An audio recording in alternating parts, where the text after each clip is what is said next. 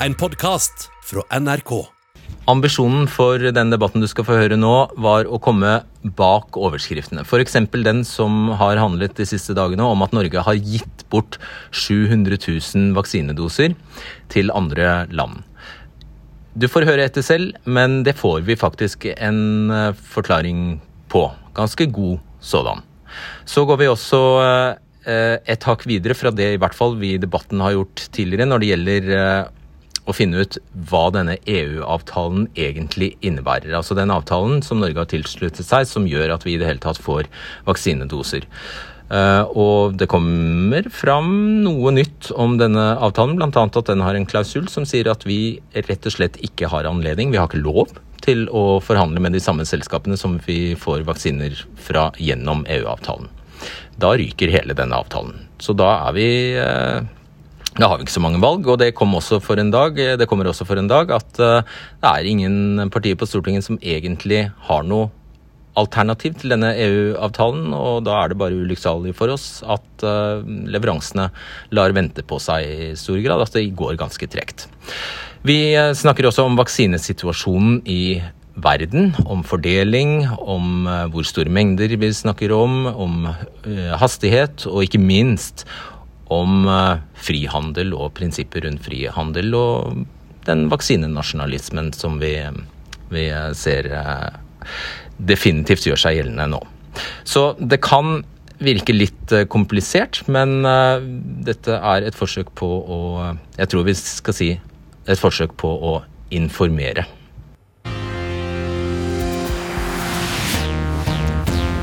Tenk om vi i stedet for å oppleve at landet blir stengt nok en gang, hadde hatt nok vaksiner. Tenk om vaksinasjonen gikk raskt i stedet for veldig sakte. Tenk om vi hadde valgt en annen måte å skaffe oss vaksiner. Det er regjeringen som har valgt for oss, det er den som er ansvarlig for at vi ikke har flere vaksiner, og til nå har Erna Solberg og Bent Høie sagt at de ikke hadde noe annet valg enn å koble oss på EU. Ikke alle er enig i det. Simultant nå, mens du sitter og ser på debatten, kan du sende inn spørsmål til nrk.no. Og hva spør folk om, Bahare? Det er eh, mange hos oss også som har spørsmål rundt eh, vaksine, vaksineringen i Norge. Eh, men vi tar også imot andre spørsmål som har med korona å gjøre. For det er veldig mange som ønsker en presisering av disse nye tiltakene som kom i dag. Og så er det så klart også en god del spørsmål om hytteturer i påsken. Det regner jeg med det er. I Norge nå er det satt 14 doser per 100 000 innbyggere. Dvs. Si at eh, ja, 4,9% av nordmenn er fullvaksinert. Vi ligger da sånn midt på treet, kan vi se, bak Danmark, men foran Sverige. Og Serbia, som heller ikke er EU-medlem, har kommet dobbelt så langt som Norge. USA har nå fullvaksinert 14% av befolkningen.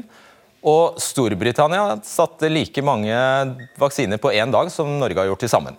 Øverst på pallen det oljerike Forente arabiske emirater, og Israel er i en helt egen divisjon, som vi ser her.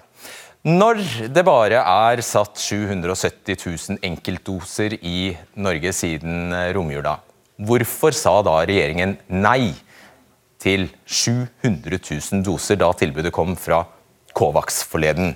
Det spørsmålet går først til deg, Dag Inge Ulstein. Og før du svarer på det, jeg tror vi plikter seerne å bare opplyse om hva Covax eh, er. Det er altså Verdens handelsorganisasjons globale innsats for å kjøpe og distribuere vaksiner til spesielt middelinntekts- og fattigere land. Og sammen sier de at eh, at eh, innbyggerne i, disse, i medlemslandene utgjør 90 av verdens befolkning.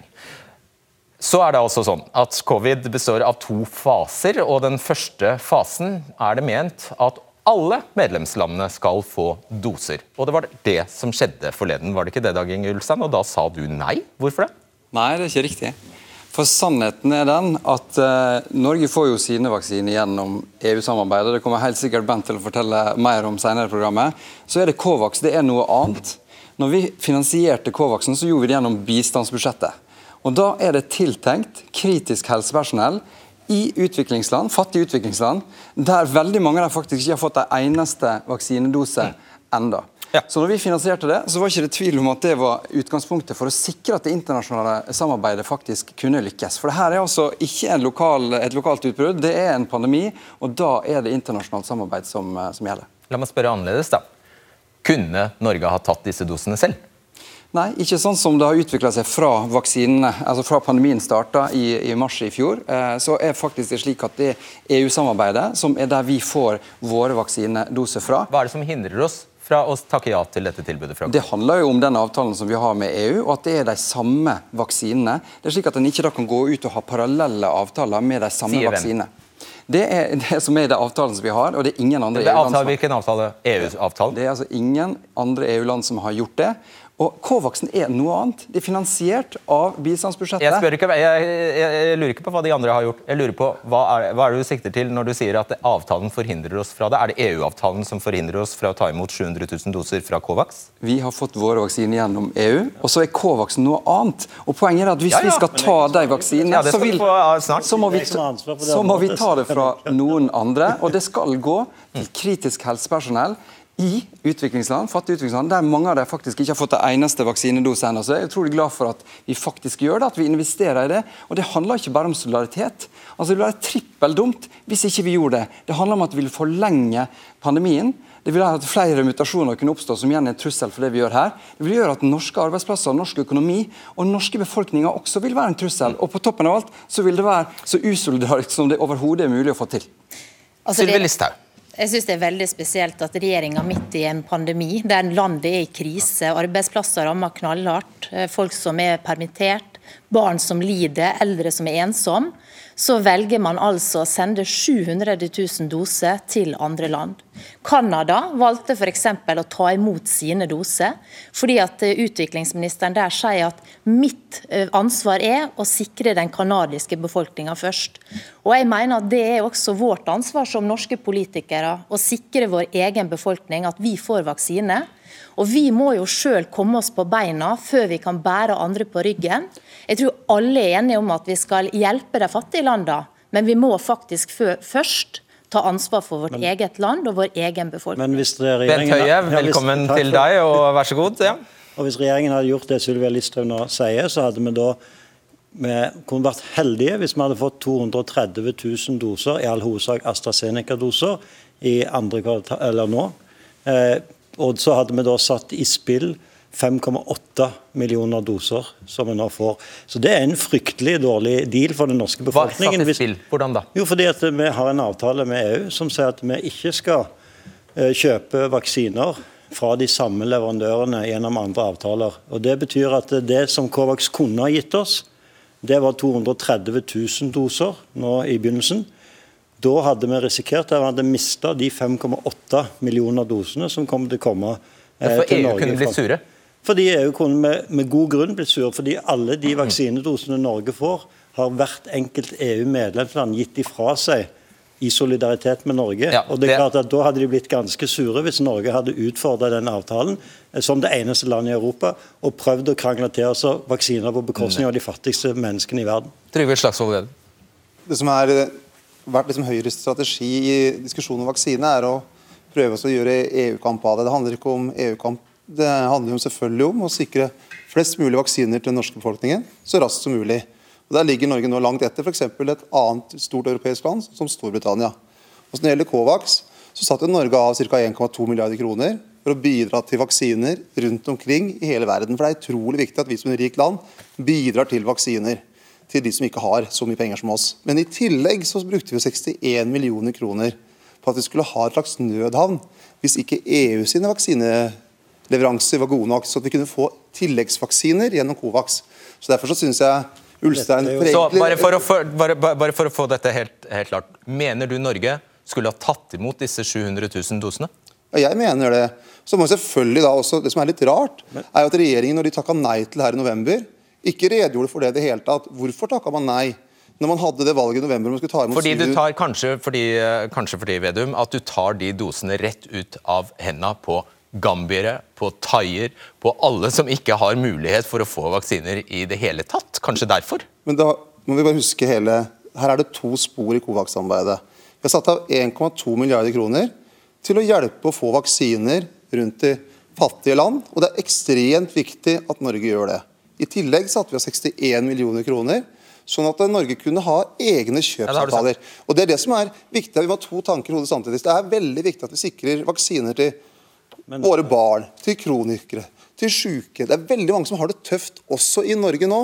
og Derfor så må vi ha et internasjonalt fokus. Men samtidig så må vi bruke de mulighetene vi har til å sikre flest mulig vaksiner, sånn at vi får vaksinert vår egen befolkning så raskt som mulig. og Okay, men- Spesielt de eldre, de syke og de sårbare. Det enkle, det enkle spørsmålet til deg er Hvis du hadde vært i min posisjon, hadde du da senkt Nå satser jeg på å få 230 000 AstraZeneca-doser før sommeren til Norge.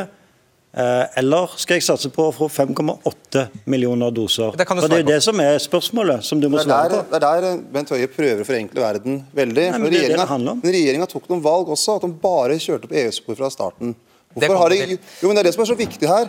Jeg sier at verden er ikke- svart-hvit. Det her er veldig veldig vanskelig. Men det som også var rart at regjeringa valgte å ikke gjøre når man takka nei til de 700 000 dosene. Hvorfor informerte man ikke om det? Hvorfor måtte en liten Altså, eh, svare på- engelsk nettavis, det. Development Today, si at avsløre at regjeringen takka nei og ikke har åpnet rundt dette? sammen. Og Det er veldig bra at Trygve har lest seg opp på Covaxen, men det du glemmer, er at det går ikke, det står ikke en container med ledige vaksiner som ikke har noen merkelapper på. Hvis vi skal lenger fram i den køen, med det som var tiltenkt gjennom bistandsbudsjettet til kritisk helsepersonell i utviklingsland, så må du velge. Hvilke land skal du ta det fra? Er det Malawi eller er det Mosambik? Jeg har hatt kontakt med, med kollegaene mine der nå. De har altså et helsevesen som er helt på sammenbruddsrand. Og det er en situasjon i mange av de utviklingslandene som gjør at vi, vi kan ikke ha den diskusjonen. Vi har finansiert det for at det skal brukes i lavinntektsland. Eh, Og Det er hele poenget med Covaxen. og Derfor har vi jobba nettopp for å få den til å fungere. Så kan der- man ned det. Er det Mosambik eller er det Malawi? Ja, det var faktisk spørsmålet. Men jeg synes det er helt urimelig Nei, svar på det. Ja, men poenget det er helt urimelig den påstanden som der kommer. For da setter regjeringa vaksiner for de svakeste gruppene i Norge og på svake grupper i andre land. Og Det blir helt feil, for vi har kjørt flere spor. Vi har kjørt ett spor for å sikre den nasjonale befolkningen. Én for å drive med bistand. og De 61 millioner kronene er ikke godkjent som bistandspenger.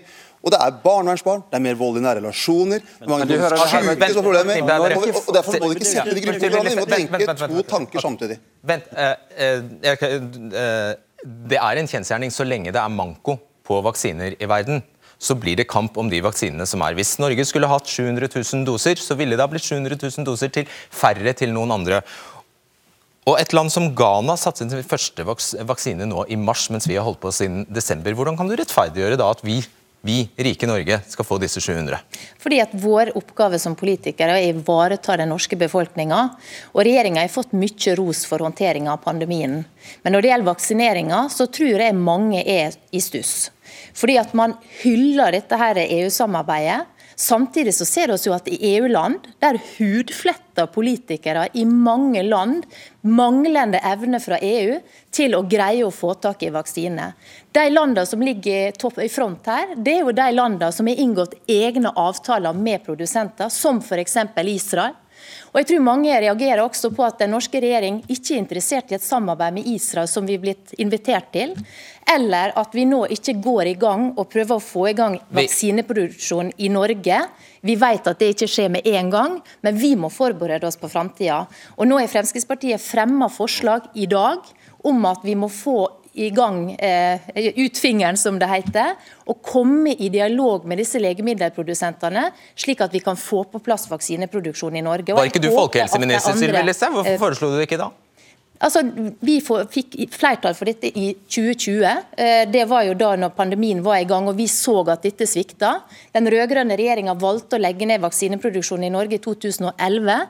Nå ser vi at vi trenger å få den opp igjen, og da er det bare å sette i gang. Og jeg håper på brei støtte for det Ok, forslaget. Vi skal ta, den store diskusjonen, vi skal ta diskusjonen om, om, denne, om denne avtalen, den EU-biten, eh, st eh, straks. Men Bent Hø- Hø- Høie, jeg har bare lyst til det er jo som det stemmer det Vedum sier, at dere har sagt at denne Covax-mekanismen skulle fungere som en sikkerhetsventil for Norge. Vi skulle kunne få vaksiner derfra, har dere sagt. Du sa i Stortinget at Covax alene ikke kunne dekke Norges behov for vaksiner. Hvorfor sa du noe sånt nå, hvis det aldri var meningen at vi skulle få vaksiner derfra i det hele tatt? Fordi at når vi inngikk og startet det arbeidet, så var vi ikke sikre på at vi kom til å lykkes med å få avtalen med EU. Og Da hadde Covax vært det eneste Norge kunne lene seg på, sånn som en rekke andre rike land i verden òg i dag har, fordi de ikke er en del av EU-samarbeidet. De er jo land som knapt nok er kommet i gang med vaksineringen. nettopp fordi de ikke har hatt noen alternativ. Det er jo ikke sånn at New Zealand eksempel, ikke også har prøvd å få tak i vaksiner, men de har ikke lykkes på samme måte som EU og Norge. Så er det selvfølgelig sånn at noen få land, Storbritannia, et helt, et helt enormt mye større land enn Norge, har lykkes dette. Israel har lykkes, men de aller fleste landene som du kan sammenligne Norge med, og større land, sånn som Japan, har jo ikke fått til dette Takk for stikkordet, Høie. Fordi, takk for stikkordet foreløpig. Eh, AstraZeneca, Pfizer, Biontech og Moderna, det er altså de tre selskapene som til sammen har greid å lage virksomme vaksiner, har lovet å produsere 5,3 milliarder doser i 2021. og I teorien skulle det holde til å vaksinere 3 milliarder mennesker, hvilket vil si en tredel cirka, av verdens befolkning. Men mesteparten av disse 5,3 milliardene ja, de har allerede reservert. EU og fire andre rike land har allerede bestilt over halvparten av disse 5,3 milliarder dosene. Og merk, disse landene utgjør 13% av verdens befolkning. Sånn er verden. Canada har sikret seg se på dette. Canada har sikret seg ni doser per innbygger. USA sju doser. EU, det er altså oss, fem doser per innbygger.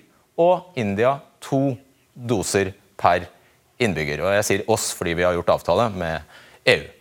Så i den situasjonen her, Vedum, hvordan kan du forsvare at vi skal ta, hvordan kan du forsvare at vi skal ta ytterligere 700 000 fra de som absolutt ikke får noen ting?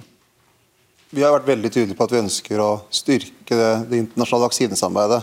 Derfor har vi vært sterk støttespiller at vi skal bruke 1,2 milliarder på å sikre de landene som ikke har vaksine. vaksine. Men så har vi i tillegg sagt at vi må sikre vår nasjonale befolkning. Ja, Men du ser jo hvor skjevt det allerede er fordelt. Det er poenget. Jo, jeg ser de dilemmaene. Alle ser de dilemmaene. Det er samme når vi bygger ut sykehus i Norge. Vi bygger ut sykehus i Norge før vi bygger i Malawi. Eh, så det der er vanskelig, men det er det som er så bra i Norge, at vi har hatt en bistandstenkning hele tida. Vi bruker 1% av vårt statsbudsjett eller nasjonalprodukt på bistand nettopp for å løfte. Men så er det det som er et hovedproblem her, også for regjeringen, altså, for regjeringen er at de ikke eh, har turt å diskutere det her åpent. Mm. Altså hvorfor, når dere sa nei til 700 hvorfor sa dere ikke det? Hvorfor diskuterte dere ikke det? det og Bent Høie sier noe annet nå enn han sa i Stortinget. Han sa det skal være nødhavn. Men det vi hører nå, eh, og det er jo ikke så overraskende eh, å, å, høre det fra Fremskrittspartiet, eh, men det er skuffende å høre det fra Senterpartiet på den måten. Det, det har ikke noe annet eh, ord for den politikken enn vaks, vaksinenasjonalisme. Og i en global pandemi så kommer vi ikke i mål vi, det er altså Den beste innsatsen vi kan gjøre for vår egen befolkning, er faktisk å være med å få kontroll eh, globalt for å sikre både vår egen befolkning og for solidariteten. Så det er egeninteressene her sammen med det. og Det er ikke, det er ikke mulig at ikke det skal gå utover noen av de som står lenger bak i køen. Altså, Det er så mange millioner som nå av kritisk helsepersonell og sårbare grupper som ikke har fått en eneste vaksinedose. og Da har vi et stort ansvar, og det ansvaret tar vi. Du får stå for de regningene at du er skuffa over at vi prioriterer syke norske innbyggere som er i risikogruppe. Men når, der, når, det er sagt, så er jo dette egentlig positivt. At mange land har bestilt massevis av vaksiner. For det betyr at når vi har vaksinert vår egen befolkning, så er det massevis av vaksiner som kan sendes til alle de landene som er fattige, som ikke har råd til å kjøpe vaksine, og der vi kan hjelpe de som virkelig trenger det. Men sannheten er at den beste oppskriften på at pandemien kommer til å vare lenge. For da kommer det til å sirkulere, så blir det mutasjoner, og så blir det en trussel også for ja, ok. Helt kort. Realiteten er at verken Senterpartiet eller Fremskrittspartiet står for en politikk som ville sikre den norske befolkningen først når det gjelder vaksine. Senterpartiet vil si opp EØS-avtalen, som er den som ja. har sikrest vaksiner. Fremskrittspartiet, Hvis vi hadde fulgt Sylvi sine utspill om vaksine konsekvent, så hadde vi satt i fare de vaksinene som vi nå bruker. La oss bare si at vi er uenige i det. Vi er langt bak i leksa, Bent Høie, med din politikk, og vi ser at andre lykkes bedre. Så litt eh, kritikk eh, syns jeg dere kan ta til. Takk for besøket, Sylvi Listhaug og Dag Inge Ulstein. Og eh, velkommen til Jon Arne Røttingen og Jonas Gahr Støre.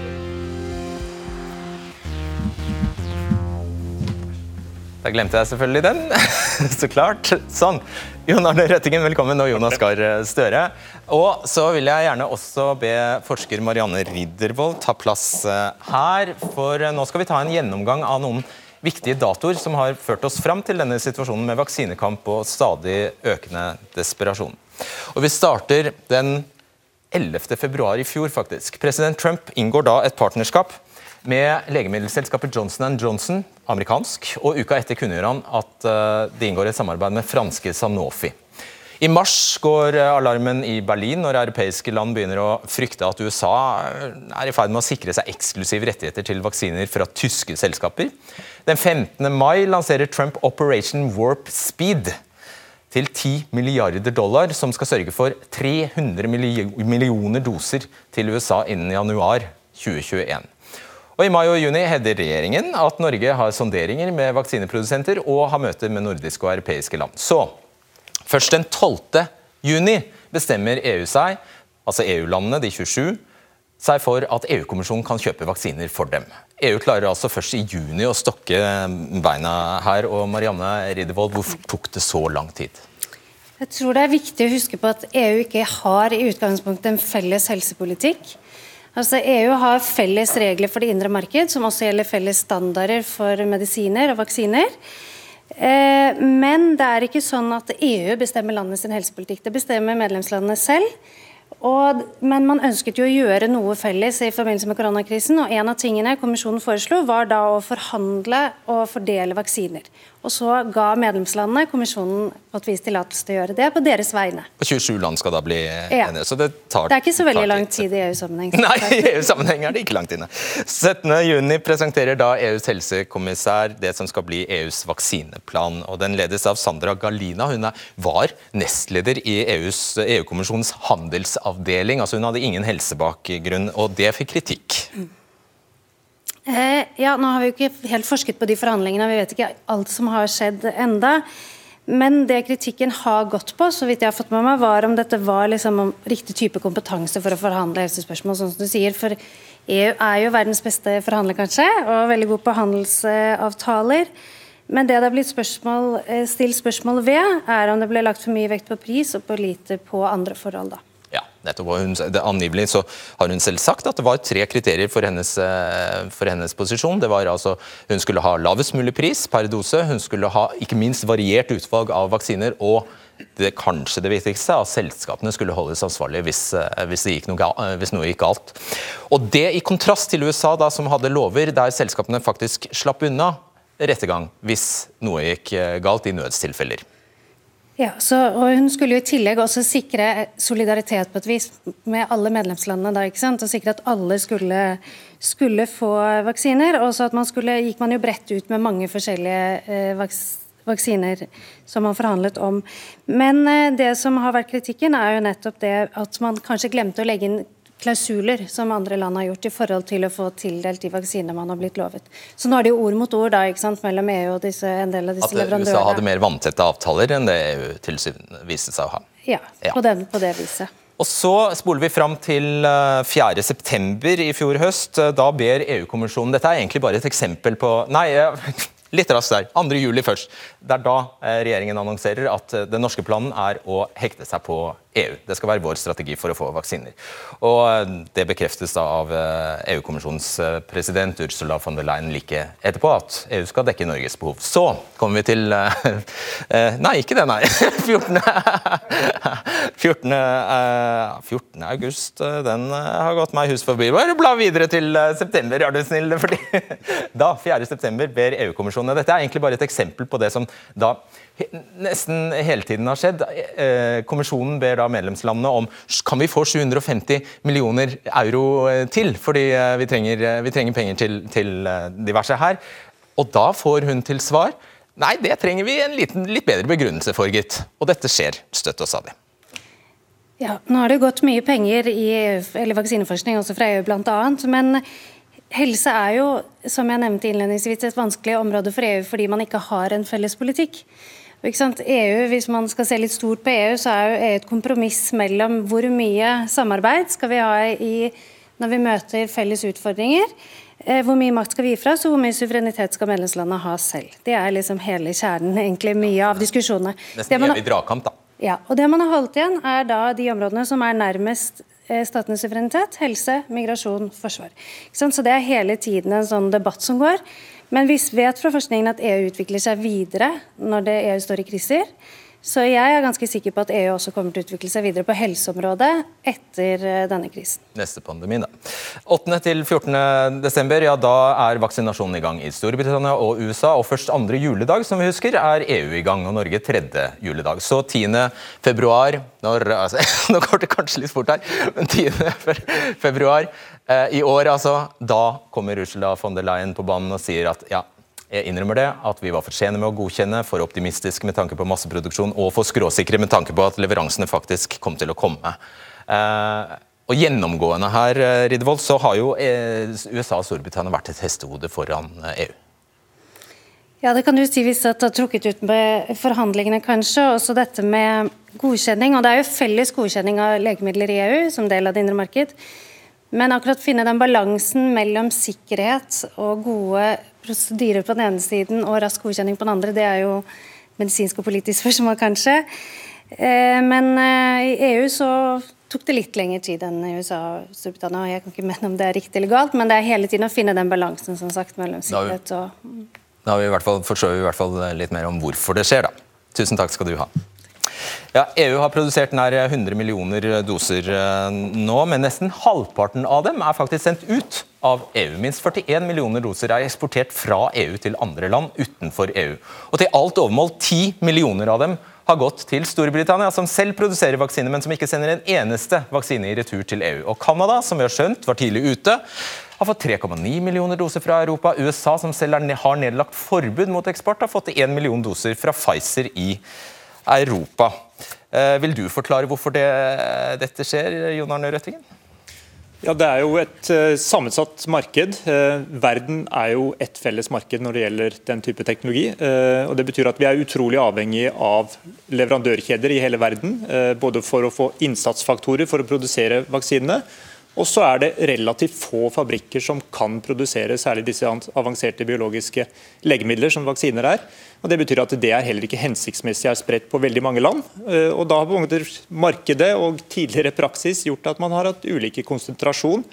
Eh, og Det har dekket de totale behovet for 3,5 milliarder vaksiner som verden vanligvis produserer hvert år. Men nå trengte vi fem ganger så mye i løpet av veldig kort tid. Og Det er klart en helt annen situasjon. Men så har jo den samme Ursula von der Leyen sagt at dette liker hun ikke. Det at dette skjer. At EU eh, eksporterer, eller at det eksporteres så mange doser fra EU, det liker hun slettes ikke.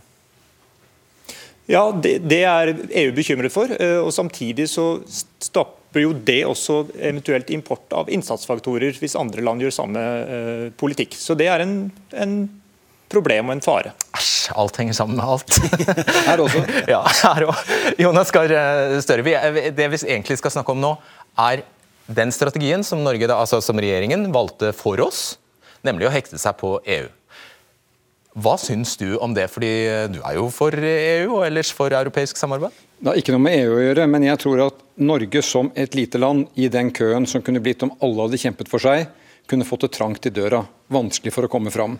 Og Det er jo ikke bare innsats mot ett selskap vi har sikret oss nå, det er jo flere. Så vi får flere vaksiner. Nå er det problem med AstraZeneca, da kommer det andre.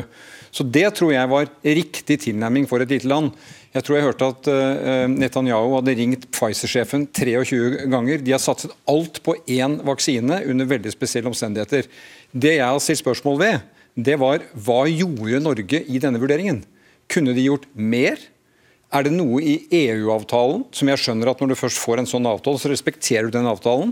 Er det noe av den som forhindrer oss til f.eks. å kunne vurdere russisk vaksine eller andre vaksiner? Og Det syns jeg enda vi bør få svar på, fordi jeg er helt enig, norske myndigheter må gjøre alt for å sikre nordmenn vaksiner. Det er det som kommer til å være utgangen av den situasjonen som jo nå er mer alvorlig enn den har vært på lenge. Det er jeg helt enig i at vi, vi, vi, kan forvente svar på. og Den gjennomgangen her viser jo at det har vært en tårnefull ferd for EU leveransen er ikke på plass. og Det er altså denne avtalen du har hektet oss på, så det må jo du stå ansvarlig for også. Og I denne avtalen Høyre, så står det at alle landene som har underskrevet, have an obligation not to negotiate separately. Hva betyr det egentlig? Det betyr eh, noe så enkelt at eh, Norge kan ikke da starte å forhandle f.eks. For med AstraZeneca om de samme vaksinedosene som vi får gjennom EU-avtalen. og Det ville også vært ganske usmakelig for et land som Norge, som faktisk får alle våre vaksiner fra de medlemslandene i EU. Hvert enkelt medlemsland i EU har gitt ifra seg en andel av sine doser for at Norge skal få vaksine. Den kalenderen din det mangla noen datoer før, eh, nemlig når eh, noen av land, medlemslandene i EU begynte å forhandle på egen hånd. Eh, og Det er egentlig de avtalene som EU overtok. Når jeg var, ja, Frankrike, Tyskland, Tyskland og, jeg snakket, og jeg snakket da med min tyske kollega og spurte om Norge kunne være med i den gruppen. Det sa de de ønsket ikke å åpne for andre grupper. De råder oss til å heller jobbe for å bli en del av EU-samarbeidet. Men konsekvensene hvis vi hadde stått utenfor dette, har Jonas Gahr Støre helt rett i. Ikke bare hadde vi sannsynligvis ikke fått foten inn forbi døra hos mange av disse selskapene, men det andre, den, det som vi nå ser utspille seg, nemlig at enkelte land innfører restriksjoner på eksport osv. I den diskusjonen hadde jo lille Norge hatt fryktelig lite å stille opp med. Nå er vi en del av et større, tøffere lag som òg kan eh, stille opp. Og Jeg er veldig glad for at EU ikke bidrar til den type proteksjonisme. for en vaksine produseres nødvendigvis i et land, men den okay. tappes i et tredjeland. Innsatsfaktorene kommer fra et fjerde og et femte land. Vedum.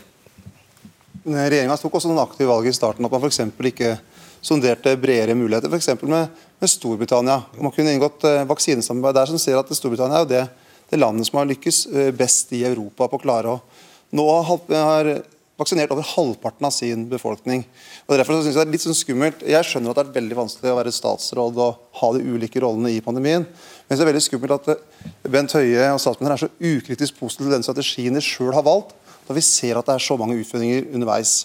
Og så ser vi nå flere EU-land som har begynt å sondere og også direkte forhandle om å få den russiske vaksinen. Vi ser Ungarn gjør det, vi ser Tsjekkia gjør det. Vi har sett eh, Angela Merkel nå har uttalt at Tyskland vil undersøke om de kan kjøpe den russiske vaksinen direkte. Og Da er det jo viktig da, å høre om nå Bent Høie, når hun ser at den tyske staten skal begynne å forhandle forhandle vaksiner fra Russland. Vil den norske staten gjøre det? Mener du vi skal gjøre det? Skal vi, jeg mener at vi må da sikre oss opsjoner hvis den vaksinen er trygg hvis den er god, hvis den er godkjent av europeiske og norske fagmyndigheter, så må vi kunne bruke den. Men da må vi også, som f.eks. Tyskland nå gjør, være framoverlent og sjekke om vi får de mulighetene. Det er vanskelig, men vi må bruke alle muligheter, for det er så tøft. Spesielt for de som nå er stengt hjemme. Er det aktuelt? Eh, ja, vi har ingen betenkeligheter med å kjøpe andre vaksiner hvis vi kan gjøre det, men nå er det sånn at den vaksinen er ikke godkjent. Eh, den, hvis den blir godkjent, så sier produsenten at de kan tilby Europa eh, noen få millioner doser i juni. Eh, på det tidspunktet har sannsynligvis ikke verken Europa eller Norge nødvendigvis behov for den vaksinen. Men hvis det er aktuelt, så er vi selvfølgelig åpne for det. Og så er det ikke riktig at vi ikke svarer på disse spørsmålene. Norge sonderte mulighetene. Vi sonderte mulighetene mot enkeltselskaper, vi sonderte mulighetene internasjonalt, vi sonderte mulighetene mot andre land. Men den tilbakemeldingen som vi fikk i de sonderingene, det var og det var også vår egen vurdering, at det tryggeste det var å inngå en allianse med, med land som man har et fellesskap med. Og det, For Norge ville det være eh, å være EU. Og Heldigvis okay. så har vi en EØS-avtale som du er imot, som gir oss den livlinjen inn mot EU. Du kan ikke flette det inn i hvert innlegg, eh, Høie. Du, ok, Større. Altså det, eh, To observasjoner. Dette fungerer jo ikke hvis vi ikke har internasjonalt samarbeid. Det internasjonale samarbeidet har vist store svakheter. Så vi må jo trekke lærdommer av dette, for det kommer nye pandemier. Det er den første lærdommen her. Og det må Europa bli bedre på, og vi må bli bedre på det. Det andre er at det er jo åpenbart for mye marked og for lite stat i dette. På 90-tallet og det husker jeg godt, for Da jobbet jeg i Verdens helseorganisasjon. Så laget vi Gavi, som var et privat-offentlig samarbeid hvor de store vaksineprodusentene inngikk avtaler med land for å sikre at det ble utviklet vaksiner bl.a. for fattige land. Så ut av dette så må vi ha et mye sterkere samarbeid. og Der etterlyser jeg at Norge Jeg mener også at Norge bør nå se på sin egen kapasitet. Vi har fremragende forskningsmiljøer, vi har gode offentlige helsevesen. vi har vi utvikler jo nå... Hva betyr det? Skal vi bygge fabrikk her? Nei, men nå utvikler jo vi eh, legemidler mot covid. Vi har vaksineekspertise på andre områder. og Når vi skal gjennomgå vår beredskap Ja, fordi det var din regjering som la ned vaksineproduksjonen? Det var det gode grunner for å gjøre. For det vi da hadde, det var rett og slett ikke, uh, passet ikke med den tiden vi hadde. Men ut av det vi kommer fra nå, så tror jeg vi Hva må ha en diskusjon. Det? Hva sier du? Det passet ikke uh, Nei, Da hadde altså... vi utviklet en vaksinekapasitet som viste seg å være helt utilpasset for de behovene vi hadde. Det du kunne kjøpe på internasjonale markeder, de byggene vi hadde bygget, de passet ikke. Så det var riktig å gå ut av det. Men nå må vi jo trekke lærdommer av der vi er i dag internasjonalt samarbeid. Og vi må ha mer politisk styring på dette. Det kan ikke bare være i et stort marked. Nettopp. La meg bare forstå, altså, eh, du, du, du mener at EU har vært for treige her? Jeg mener at Det som var utrolig viktig våren 2020, eh, det var jo faktisk å sette i gang eh, risikobaserte avtaler. Det handler ikke da om å kjøpe vaksiner. Det det handler om da, var å gå sammen i store konstellasjoner for å sikre at vi kunne få i gang full fart på både utvikling og oppskalering av vaksiner. EU kunne vært raskere. Eh, det er mer komplisert, og det hørte vi fra forskeren nå i stad.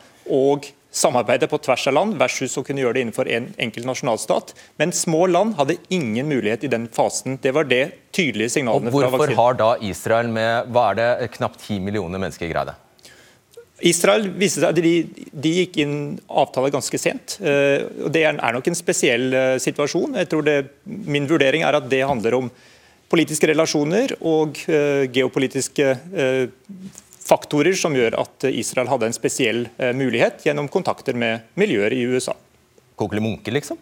Nei, det, ikke sant, dette, er jo, ikke sant, dette er et marked. De, de fikk en avtale som jeg jeg tror ikke Norge hadde. De har bare betalt mer enn alle andre? Det, det viser de også at de har gjort. Solvang, du kan jo se på Serbia, da, som ligger høyt. Eh, Hvorfor ligger Serbia høyt? Der sier presidenten at det er pga. mine personlige relasjoner med kinesiske og russiske ledere. Så det er klart at eh, det, det kunne hende at Erna Solberg hadde hatt det, men, men jeg tror at for, for å sikre i den tidlige fasen, så var det riktig å gå med på den store eh, risikoprosjektet det var, og putte penger i noe vi ikke visste kunne komme, som kunne tatt flere år, og som tok bare noen måneder. Ok, Men det har altså ført, eh, ført til det mange vil kunne betegne som en, en eh, ja, Nei, jeg skal ikke bruke det uttrykket jeg hadde på, eh, på tungen, tungen spiss, men det har ført til at vi altså ikke kan undersøke om det finnes andre vaksiner noe annet sted. Så vi er egentlig bundet helt til masta her. Det, det er ikke korrekt, og det sa jeg jo nettopp selv. Vi er ikke bundet på en annen måte enn vi ikke kan konkurrere med våre egne avtaler. Eh, Men det er ikke noen ledige avtaler. Det Hva er ikke noen forskjellen på det? Vi kan ikke konkurrere om de samme vaksinene som vi får i fellesskapet. Så Hvis vi f.eks. hadde eh, trodd at det var ledige Sputnik-vaksiner som Norge kunne få nå, og som var godkjent, så kunne vi selvfølgelig forhandle om de, siden det ikke er en del av EU-avtalen. Men det er jo også sånn at det, det var ingen selvfølge at Norge skulle bli en del av EU-avtalen. Så det er jo òg våre politiske investeringer i et samarbeid som gir Norge tilgang til disse vaksinene. sånn at Når en trekker fram f.eks. Eh, Serbia sine politiske kontakter, så er det jo selvfølgelig eh, statsministeren sin kontakter mot Angela Merkel, mot Macron, mot at vi er en samarbeidspartner altså. i, eh, i EU, som gjør at EU eh, Landene var villige til å gi fra seg vaksiner for at Norge òg skulle få vaksiner i dette samarbeidet. Altså, Norge må samarbeide, og det har vi alltid gjort. og Ved tidligere store pandemier har vi kjøpt direkte. Eh, under svineinfluensa kjøpte vi direkte. Men vi må samarbeide framover. Og så må vi lære litt av det her. og jeg mener at En av de felles prosjektene som kommer framover, er at vi må bygge opp en nordisk vaksinekapasitet. Sånn at vi ikke er så sårbare for andres kapasitet eh, framover. For vi har jo vist at vi på smittevernutstyr, masker, vaksiner Men la oss bare klare oss gjennom denne pandemien først. eh, Jo, er- Er du for eller mot den EU-avtalen? Vi har sagt at vi ønsker å støtte opp internasjonale avtaler, og også samarbeid med EU. Men Så så dere er, for, helt konkret, dere er for den avtalen regjeringen har inngått? Ja, Vi har stemt for det i Stortinget, de bevilgningene som har blitt brukt på vaksine, hele veien. Men så har vi også hele tiden sagt er vi aktive nok. Og En av de tingene vi har utfordret regjeringa på mange ganger nå, så det ligger et spørsmål til eh, Bent Høie i Stortinget på nå, er har regjeringa tatt egne initiativ i forhold til Sputnik-vaksinen? Har de undersøkt, eller sitter de bare og observerer? Og Vårt inntrykk er at regjeringa i den saken bare observerer, ikke har tatt noen egne initiativ. Hvis jeg tar feil, så er det kjempebra. Ja. for at Det er så alvorlig hvis vaksineringa går for, for sakte. og Det er derfor vi må prøve ulike veier hele tiden. Men selvfølgelig også samarbeide med våre naboland. Bare Svar kort på hva du gjør. Observerer du, eller gjør du noe Nei, vi, eh, aktivt? vi vurderer dette hele veien, men vi gjør òg realistiske vurderinger. Og for Norge nå starter forhandlinger om en vaksine som ikke er godkjent, eh, og som ikke kan levere før, i, før på et tidspunkt der vi sannsynligvis ikke har bruk for den, ikke der vi nå bør sette inn innsatsen.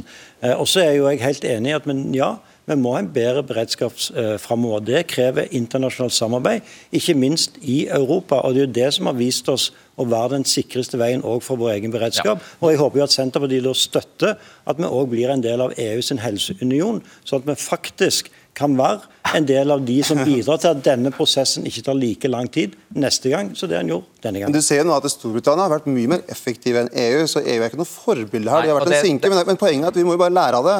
Og, og Derfor så mener jeg at vi også må bygge nasjonal kapasitet framover, så vi står bedre rusta ved nye runder. Hva er den korte forklaringen på det Storbritannia har greid?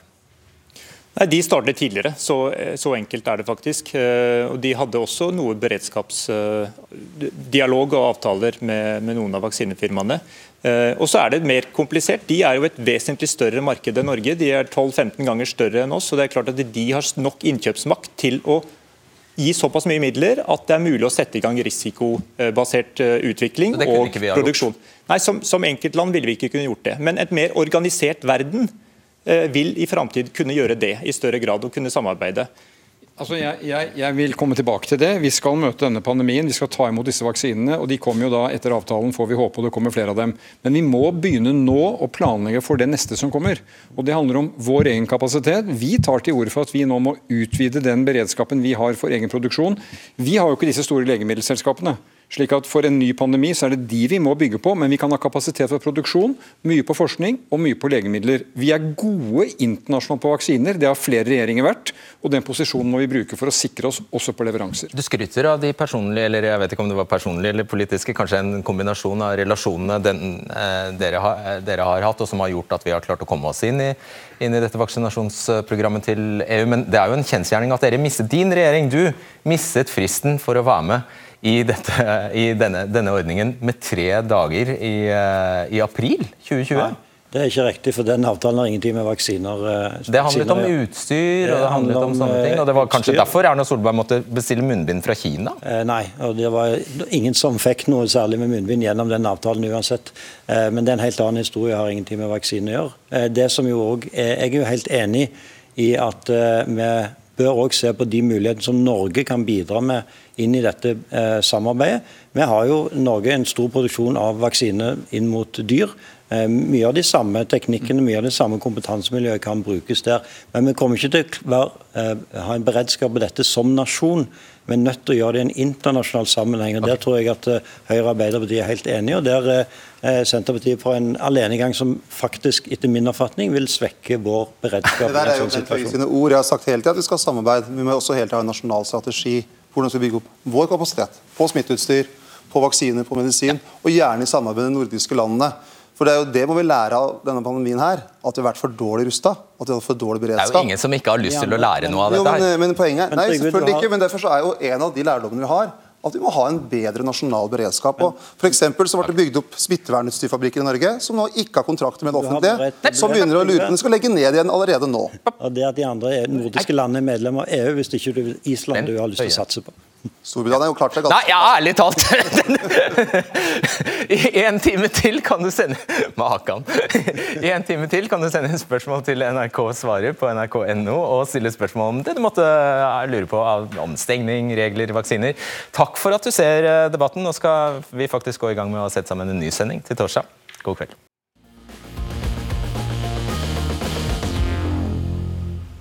Som jeg sa i innledningen her, så eh, blir det jo stadfestet at uh, Norge som et uh, lite land ikke hadde så mange valg hvis man ikke skulle ha voldsomt is i magen og bare satse på godt vær. Og det er ingen partier på Stortinget som egentlig har noe alternativ til det. Og da er vi jo bare i den situasjonen at vi må vente på vaksinene. Som jeg også sa, så eh, går vi faktisk allerede i morgen tidlig i gang med eh, å lage en ny sending. Gangen er den at vi bruker eh, onsdagen til å researche for det meste og booke gjester. Og så på onsdag kveld så har vi Vi går stort sett aldri og legger oss uten at vi har en ganske tydelig plan for torsdagssendingen. For på sendedagene så er det veldig mye praktisk som må gjøres unna. Og da eh, blir det mindre tid eh, til uh, nitid research. Men vi ringer og ringer og ringer på de dagene det ikke er sending. Så det, det, er det som venter meg i morgen, og redaksjonen. Takk for at du hører debatten på podkast. Vi høres. Du har hørt en podkast fra NRK. Hør flere podkaster og din favorittkanal i appen NRK Radio.